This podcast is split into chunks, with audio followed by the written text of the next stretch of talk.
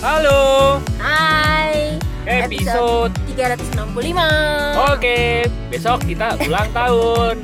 Kalau kalau nggak kabisat hari ini udah setahun ya Iya dong. Eh, besok tanggal berapa sih?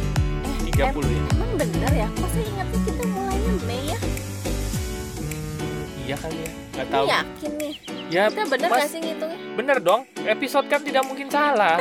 Iya dong. Jangan-jangan ada yang lengkap Tahu-tahu kita ini ya, tahu-tahu dari episode 100 langsung jadi Lupa gitu 150 ya gitu ya. Kan Enggak, dulu kan belum ada pembagian tugas seperti ini enggak lah, kan ada tulisannya ya. Oh iya iya Ya udah Iya deh. eh, Soalnya nggak yakin Iya kayaknya dulu Mei loh mulainya Apa-apa Kok ini setahun masih tak Enggak, masih April, April. April? April, kita mulai. Yakin kamu Kayaknya.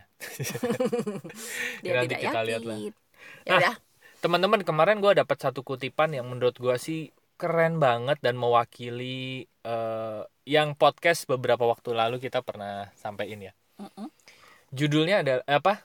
Tulisannya tuh gini. Kutipannya. Kutipannya adalah buta huruf abad 21 itu bukan orang tidak bisa membaca dan menulis. Ya. Tapi orang yang membaca, betul ya? Mm-mm. Orang yang membaca, eh orang yang tidak bisa learn, unlearn, dan relearn. Gitu. Mm. Gue sepakat dengan kutipan ini gitu. Mm. Kenapa? Karena gue ngelihat satu hal gini aja deh. Gue mulai dari basic dulu ya sebelum learn, unlearn, dan relearn tadi itu ya. Yang Di learn aja dulu. Di podcast ya yang learn aja dulu ya. Di podcast beberapa waktu yang lalu kita kita udah pernah bahas tuh yang kita punya temen dia baca sekedar baca bukan untuk memahami. Nah, abis gitu ya. baca masih nanya ini Nah, itu. apa, ini apa Tuh, padahal dia, dia. semua poinnya udah ada. Betul. Terus Karena dia baca baca doang kagak di bener. informasi yang dia baca tidak dikirim ke otak untuk diolah Nah, itu itu. informasinya. Itu yang gua maksud gitu ya. Nah, jadi eh, di podcast beberapa waktu yang lalu kita sempat bilang bahwa negara kita tuh udah bangga gitu dengan apa namanya Tingkat ya? buta huruf tingkat buta yang huruf yang turun. Mm. Sedangkan negara lain itu kadarnya itu bukan itu pengukurannya ya. Kadar bukan pengukurannya bukan cuma itu. bisa atau nggak bisa baca. Betul, tapi tapi, mereka tujuan- bisa memahami nggak isi bacaan itu. Iya, tujuan membacanya Mm-mm. sudah lebih Betul. dalam. Betul sekali. Nah, itu tuh. Kalimat yang pertama itu bahwa buta huruf di abad 21 itu orang yang tidak bisa learn dulu tuh. Mereka membaca untuk belajar tuh, untuk memahami isi bacaannya.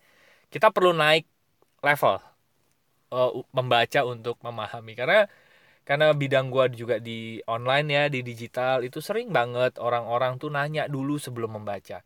Udah jelas misalnya muncul pop up, pop upnya tinggal dibaca, instruksinya apa, itu mereka panik duluan. Ya kan? Ini gimana nih? Kayaknya mereka kalau ngeklik itu kayak mereka tuh mencet tombol nuklir yang mau apa Launch. namanya ya? Mau launch gitu ya. Mau meledak. Kayak bakal meledak gitu. Nah, padahal instruksinya jelas, kita tinggal baca aja. Nggak usah buru-buru gitu. Santai aja pelajari pakai sedikit otaknya gitu ya. Itu yang itu yang sebetulnya mau gue bilang sih ya. Tapi Bener kamu nggak dong. bisa kan? Iya karena otaknya banyak yang original gitu ya. gitu. Nah dulu gue juga begitu sih. Dulu waktu gue belajar pertama kali di dunia online itu padahal ada tuh keterangannya. Gue belajar untuk terus terang gue juga belajar memakai otak gue gitu ya. Menganalisa dulu. Oh ini maksudnya begini.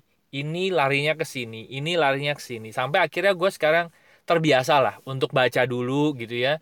Semuanya sebetulnya bisa dimengerti kok ya kan? Semua instruksi-instruksinya tuh bisa dimengerti Jadi sekarang gue mulai bisa memahami nih kenapa banyak orang ya karena Ari bilang barusan dia kan memang beberapa tahun belakangan belajar eh, semuanya online kan? Apa pun.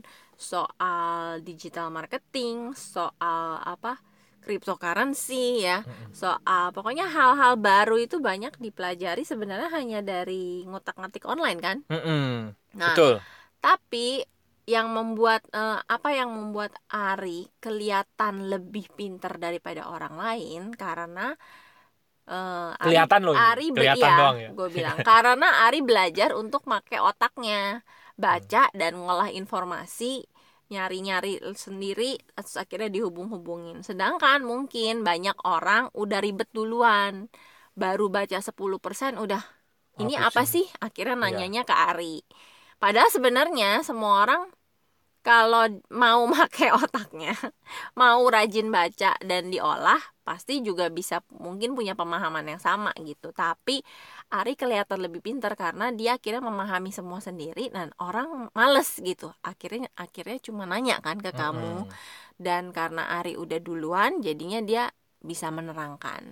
Iya, Padahal punya... sebenarnya belajarnya dari sumber sama, yang sama. Bener. Sama-sama nggak taunya, sama-sama nolnya dulunya Betul. gitu. Dan satu hal ya, uh, ini berhubungan dengan buku yang gue baca juga, Grit gitu ya, ketabahan itu ya.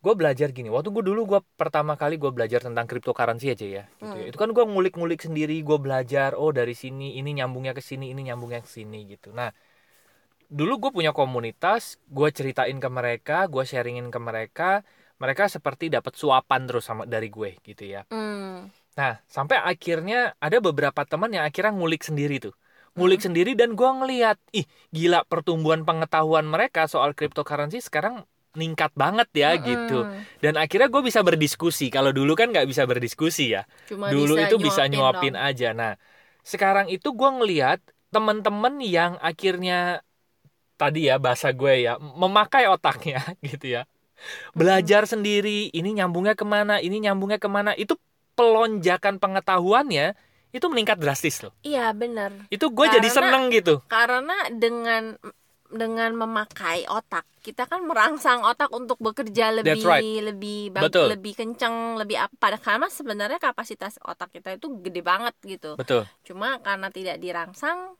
akhirnya ya udah dia uh, ya segitu segitu aja nah makanya gue juga gue juga ngerasa nih gue kan tahu Ari dari gue SD dong dan dulu Hmm, dibanding gue ya dia biasa lah. Mm -mm. Gue orang rata-rata.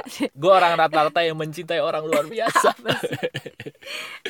Tapi gue pas gede uh, eh, gue bangga karena gue memilih suami yang lebih pintar daripada gue gitu kan. Gue dari dulu memang pengennya cowok itu harus lebih dong gitu. Maksudnya gue yeah. gue uh, perlu bisa merasa ada yang bisa gue pelajari gitu dan Ari begitu Ari kalau lihat sekarang Ari tuh lebih pinter daripada gue karena dia pakai otaknya berarti gue nggak pakai ini mungkin yang diceritain di buku mindset ya bahwa kecerdasan itu ternyata akhirnya bisa dibentuk kalau kita punya mindset tumbuh gitu. Ya. Kalau kita terus berusaha gitu. Dan gue sekarang seneng gitu. Jadi gue sekarang bisa nilai oh ini orang cuma disuapin doang. Oh ini orang bertumbuh nih gitu. Mm-hmm. Uh, diskusinya udah nyambung gitu kan. Oh kamu bertumbuh kok. Oh, gitu. iya dong. Oh saya pikir saya mau dong disuapin. Oh gitu oke. Okay. nah gue ngerasa gitu orang-orang yang ngulik sendiri tuh ya ngulik sendiri mereka belajar sendiri itu uh, pertumbuhan apa gue bilangnya iya. koneksi neuron-neuronnya itu terjadi ya, gitu bener mereka makin cepet tek, tek, tek, iya. tek, tek, makin cepet paham makin betul. makin karena bekerjanya jadi lebih uh, aktif gitu kan benar betul gue nah gue pribadi ngelihat uh, apa yang gue pelajari skill ini ya mm. skill gue belajar sendiri itu di Liel sekarang nih mm. terutama waktu dia mulai sekolah dari rumah ya learn from home itu dia kan apa-apa sudah sendiri nih sekarang. Dia cuma ditunjukin satu kali buka zoom segala macam. Sekarang dia udah bisa sendiri dan dia sudah bisa jadi host. Dan gue belajar dong dari dia dia bilang. Uh, dia uh, waktu itu kemarin gua, ya kita ngajarin uh, om, om kita. ya. ada yang nanya terus dia share video. Terus kok nggak ada suaranya ya suara, gitu. Terus akhirnya kita nah, tanya gue ngelihat si Liel itu pernah share video YouTube iya. gitu ke teman-temannya tuh ke dia kan hostnya kan sekarang terus dia bilang kok ini gimana? Dia ceritain ke gue dong pakai ini pakai ini pakai ini. Oh bisa begitu ya. Nah gue sih bangga ya. Uh, keren gitu gue bisa ngubah-ngubah background. Terus gue bisa dia bisa ngubah background ya. Backgroundnya itu bisa jadi ya, gue sama Ari kan konvensional ya. Iya. zoom buat zoom aja. Kalau anak-anak kan ada apa? Efek api. Kepalanya bisa muncul api. Ini ke tadi gue lihat kepalanya kayak itu loh. Kalau kartun dipentung ada apa? Burung-burung gitu loh. Itu itu itu gitu kok bisa begitu sih? Gue bilang. Nah terus gue ngelihat uh, semenjak dia learn from home ini dia ngulik bahannya sendiri PR-nya dia kerjain sendiri. Wah, searching sendiri. Searching. Kemarin ya dia buat tulisan tentang apa mami itu ya? Mumi ya mumi itu. Gue pikir wah keren ya dia bisa uh, ngetik sendiri dia buat karangannya sendiri. Gue pikir wah gue aja ya baru mendapatkan skill untuk belajar sendiri itu di umur 30-an lah kurang lebih gitu. Hmm. Sedangkan Liel di usia dia tahun ini 10 tahun dia udah bisa ngelakuin itu tuh menurut gue keren lah gitu. Keren keren keren. Dan gue sih seneng gitu ya ngelihatnya ya. gitu. Nah, itu yang pertama tuh, learn ya, learn ya Nah. membaca untuk memahami, memahami, untuk belajar, untuk memahami. Nah, yang kedua, membaca untuk unlearn. Nah, ini nih, membaca atau belajar ya lebih tepatnya ya, tidak hanya membaca sih. Mm-mm. Unlearn itu sebetulnya kalau di hipnoterapi itu ini, menginstal ulang program yang lama. Karena kita biasanya punya tuh belief-belief lama yang, yang sebetulnya udah yang dengan pertumbuhan pengetahuan pertumbuhan Betul. kesadaran kemudian kita menemukan oh yang ini ternyata Nggak nggak udah nggak cocok betul, nggak relevan lagi betul, yang ini nggak bisa gua pakai lagi gitu. bener. Nah, itu unlearn nah Hmm. kemampuan untuk meng-unlearn ini itu juga kemampuan orang yang eh, perlu skill juga loh karena banyak orang yang nggak bisa unlearn. Ini berhubungan sama kemarin tuh yang kemampuan beradaptasi. Nah iya. Bener. orang lentur bukan karena plin plan iya. Lentur karena dia tahu. Maksudnya ya memang memang pengetahuan yang kemarin tuh sudah tidak relevan Iya. gitu. Sekarang kita memang harus eh, punya pengetahuan yang baru. Gini aja deh contoh. Gua kasih contoh ya dulu gua menganggap waktu gua belajar cryptocurrency aja. Hmm, hmm, itu adalah sesuatu yang baru buat gue. Oke. Ya kan? Dulu gue menganggap bahwa investasi itu cuman ada tanah emas saham sama kamu. Hah? kamu kan? Saya investasi? Iya. Oh ya menguntungkan nggak saya? menguntungkan sekali dong Oh, gitu, gitu. ya. enggak pokoknya itu deh tanah emas saham apalagi ya deposito gitu ya. Nah Mm-mm. gue kasih contoh aja. Dulu gue berpikir bahwa untuk gue bisa mendapatkan passive income yang oke itu paling nggak paling dari deposito sama gue punya kos kosan deh modal Itu- gede. itu yang ada di benak gue ya kan? Sampai akhirnya gue belajar cryptocurrency ternyata ada tuh salah satu bagian dari cryptocurrency yang bentuknya kayak deposito juga. Hmm. gue tuh berpikir masa iya sih? Ada begini nih gitu gue itu mem- memberikan sebuah pemahaman baru kan. Sebuah pemahaman baru yang gue akhirnya eh, mematahkan. Bukannya deposito sama tanah salah ya? Enggak. Tapi gue mematahkan sebuah belief baru di bawah sadar gue. Yaitu ternyata untuk mendapatkan passive income itu ternyata dari investasi ya passive income dari investasi itu tidak hanya deposito emas. emas tanah. gitu. Eh deposito emas ya bener ya tadi ya deposito Iya. emas tanah gitu. Lah. tidak hanya itu gitu. Mm-mm. dulu kan gue kekeh banget dengan belief ini gitu. Gue kalau misalnya sama MLM ya untuk dapetin ya MLM sih Mm, bukan MLM bukan investasi. bukan investasi ya gitu. Nah Mm-mm. dulu gue berpikir bahwa dapetin passive income yang settle tuh dengan cara ini. Oke. Oh ternyata belief itu tuh sekarang bisa tanda kutip dipatahkan nih dengan dengan hal yang baru yang gue pelajari nih gitu. Itu gue unlearn loh gitu gue belajar sesuatu yang belief lama gue gue patahkan gitu ada ada juga sih yang dipatahkannya dalam arti yang bener-bener mematahkan tuh gue kalau tuh, gue belajar unlearn itu gini dulu gue berpikir ya Hmm. kalau orang salah itu harus gue kasih tahu yang benar hmm. Mm-mm. tapi sekarang gue belajar bahwa Oh. biarpun orang itu salah sorry contoh gue kayaknya lebih cocok buat yang relearn deh relearn ya Mm-mm. ah yuk Iya, lanjut iya. lanjut iya gue belajar bahwa ternyata orang yang salah tidak selalu harus gue kasih tahu nah itu bener-bener patah ya Iya, Iya, benar. karena dulu gue akan cenderung gampang banget nasehatin orang gitu kan, Mm-mm. Eh, ngasih tahu orang, padahal orangnya nggak minta gitu. betul Tapi kalau sekarang mm, orang cerita orang apa, selama dia nggak nanya, nggak minta, ya gue cuma hanya akan mendukung, Iya. memberikan apa yang dia butuhkan. Kalau dia cuma perlu didengerin ya dengerin, yes. Kalau dia cuma perlu eh, dibesarkan hatinya dibesarkan gitu. Karena gue belajar bahwa orang yang kalau nggak nanya kita kasih tahu yang ada mental. luber Iya, gitu. betul. nggak nggak masuk. Itu salah satu yang gue pelajari unlearn tuh. Gue gua belajar menutup mulut ketika tidak ditanya. Hmm. Terus unlearn ya banyak sebenarnya belief Iya. kita zaman dulu yang ternyata udah di Nggak. install ulang lah ya gitu ya ya betul diinstal ulang Betul. terus banyak Gua sih ngomong. apa soal agama jadi nggak enak nanti ada lah pokoknya itu ya gak usah sampai ke, sampai kepikiran pengen nulis karena nggak enak mau ngomong tapi di, di kepala tuh banyak yang mau disampaikan gitu ya banyak sih Iya, ya hal-hal yang zaman dulu yang kita percayai gitu ya, yang itu jadi belief, tapi sekarang sudah tidak menjadi belief kita lagi. Kita belajar ulang ya, unlearn lah, install ul- ulang lah. ada gitu. konsep-konsep ya yang kita sekarang oh ya memaknainya berbeda Ya, itu juga betul. unlearn kan Betul, karena betul. makna yang lama digantikan dengan makna yang Itu baru bukan dari relearn. digantikan atau enggak ya? di belajar kalau kalau relearn itu bukannya yang kita udah gitu pernah ya? tahu kemudian ditambahkan.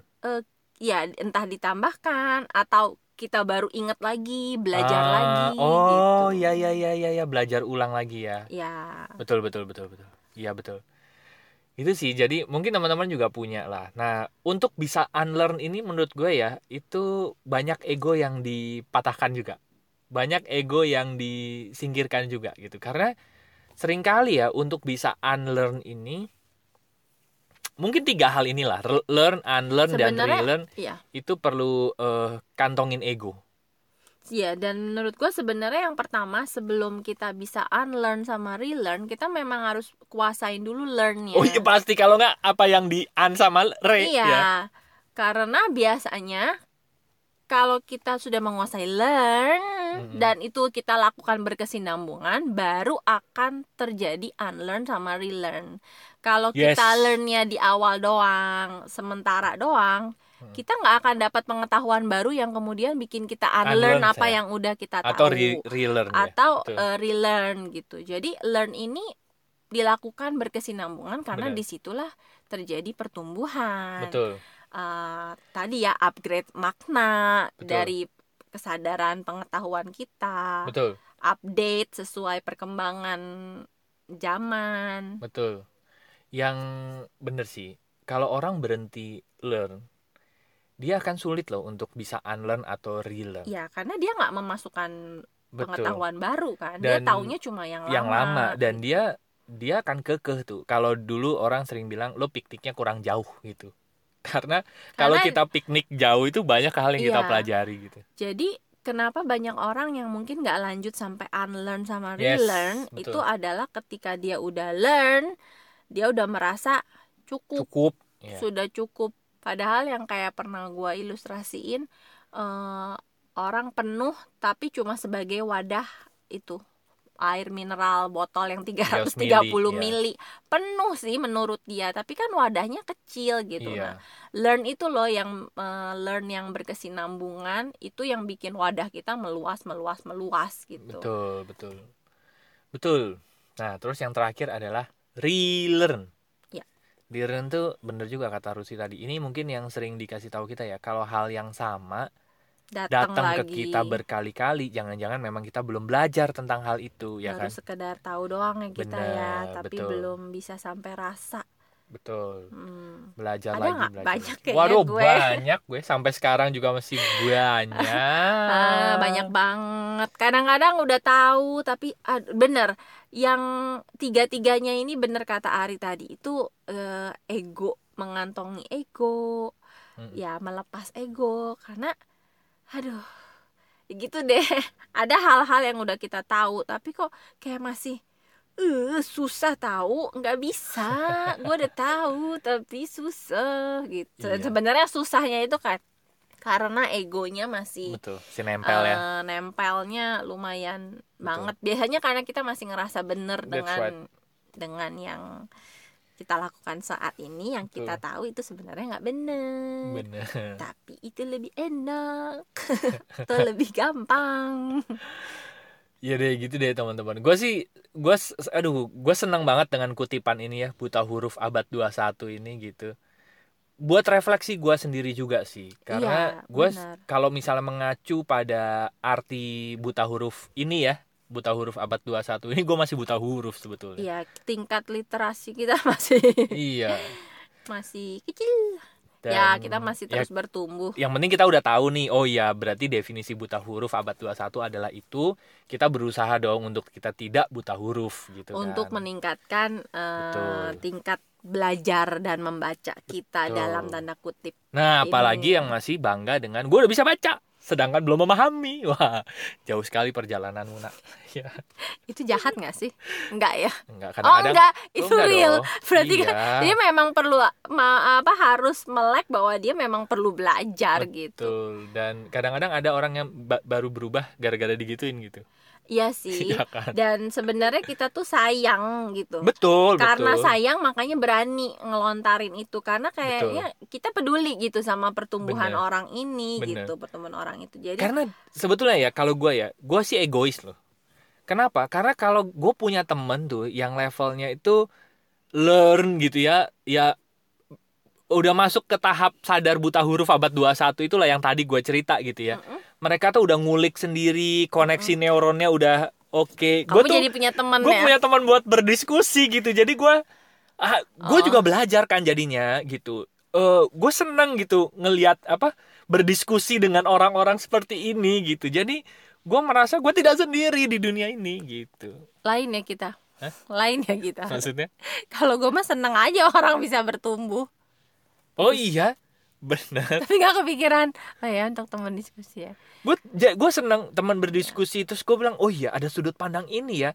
Terus jadinya gue juga bertumbuh kan akhirnya gitu. gue mau baru mau bil eh, baru mau bilang sama Ari nih akhir-akhir ini tapi lupa mulu nggak keucap karena biasanya kepikiran ketika dia lagi ngobrol di telepon sama temennya sama siapa itu ini terlintas tapi kan gue harus nunggu dia selesai kan Hmm, terus? dan biasanya lupa gue tuh mau bilang kamu eh, sadar nggak bahwa kamu tuh mulai punya ya tadi kamu tuh mulai punya teman diskusi kamu Betul. Eh. tuh nggak lagi sendiri gitu Ini jangan-jangan saya udah gara-gara ngelepas emosi waktu itu. iya Ya, waktu ini yang ya. kamu Iya, ngerimpel itu kan podcast episode berapa gue lupa lah. iya yang gitu. Ari lagi baru saja membuka salah satu sisi terdalamnya gara-gara Iya, itu kayaknya Mungkin ya gara-gara itu gitu. coba saya lihat mana Apa sih? coba Apa? itunya Sama aja ah, masih masa kali. sih kayaknya udah nggak ada Oh, jadi plus temen, orang yang dengerin, ah ngelihat itunya, apanya ya? katanya Oke deh. nih ini Udah nggak usah, oh usah, usah. Biarkan mereka menjadi penasaran. Kan? Siapa- siapa Kalau penasaran itu eh, apa namanya? pemasaran Iya itu dia, benar pintar alah sekali. padahal bukan itu kan yang mau kamu ngomong Iya benar. saya tahu Baiklah teman-teman, jadi eh, kami sih berharap gitu ya, benar-benar berharap teman-teman bisa masuk ke itu ya eh, karena next level lah. sebenarnya jawaban dari banyak masalah hidup kita itu dari learn tadi learn Iya, unlearn sama relearn that's right. itu banyak jawaban dan penyelesaian Yes, tepat sekali. Nah, buat teman-teman yang mungkin pengen diskusi soal ini atau topik yang lain juga boleh. Mm-mm. Silakan masuk aja ke website kami yaitu lompatanhidup.com nanti ada tiga page di sana. Yang pertama ada home buat ngobrol, buat chit chat tentang topik apa pun gitu ya. Mau in- kasih insight juga boleh. Silahkan masuk ke page yang home. Nanti klik aja tombol WA-nya nanti akan terhubung dengan WA kami. Yang kedua ada konseling dan event buat Buat teman-teman yang mau terapi, konsultasi, konseling dan ini eh, bisa dilakukan online sekarang. Ini Yes. adalah layanan profesional kami sejak berapa tahun yang lalu? Oh, Sembilan, sepuluh. Tahun sepuluh ini ya. yang ke sepuluh ya. 10 ya, Eh, iya iya. tahun betul. ini 10 tahun ya. Ya. Itu bisa dilakukan online sekarang karena Yes. social distancing Betul. dan juga untuk ngundang event nanti ada nomor WhatsApp yang bisa dikontak di page. Oke. Dan yang terakhir ada bisnis buat teman-teman yang ingin mendapatkan rekomendasi bisnis dari kami. Apa sih?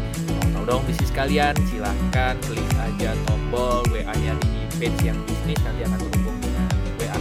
Oke. Oke, Terima kasih teman-teman sudah mendengarkan episode. 365. Besok kita ulang tahun ya. Semoga bermanfaat episode ini dan sampai jumpa di episode berikutnya. Thank you. Bye bye. See you.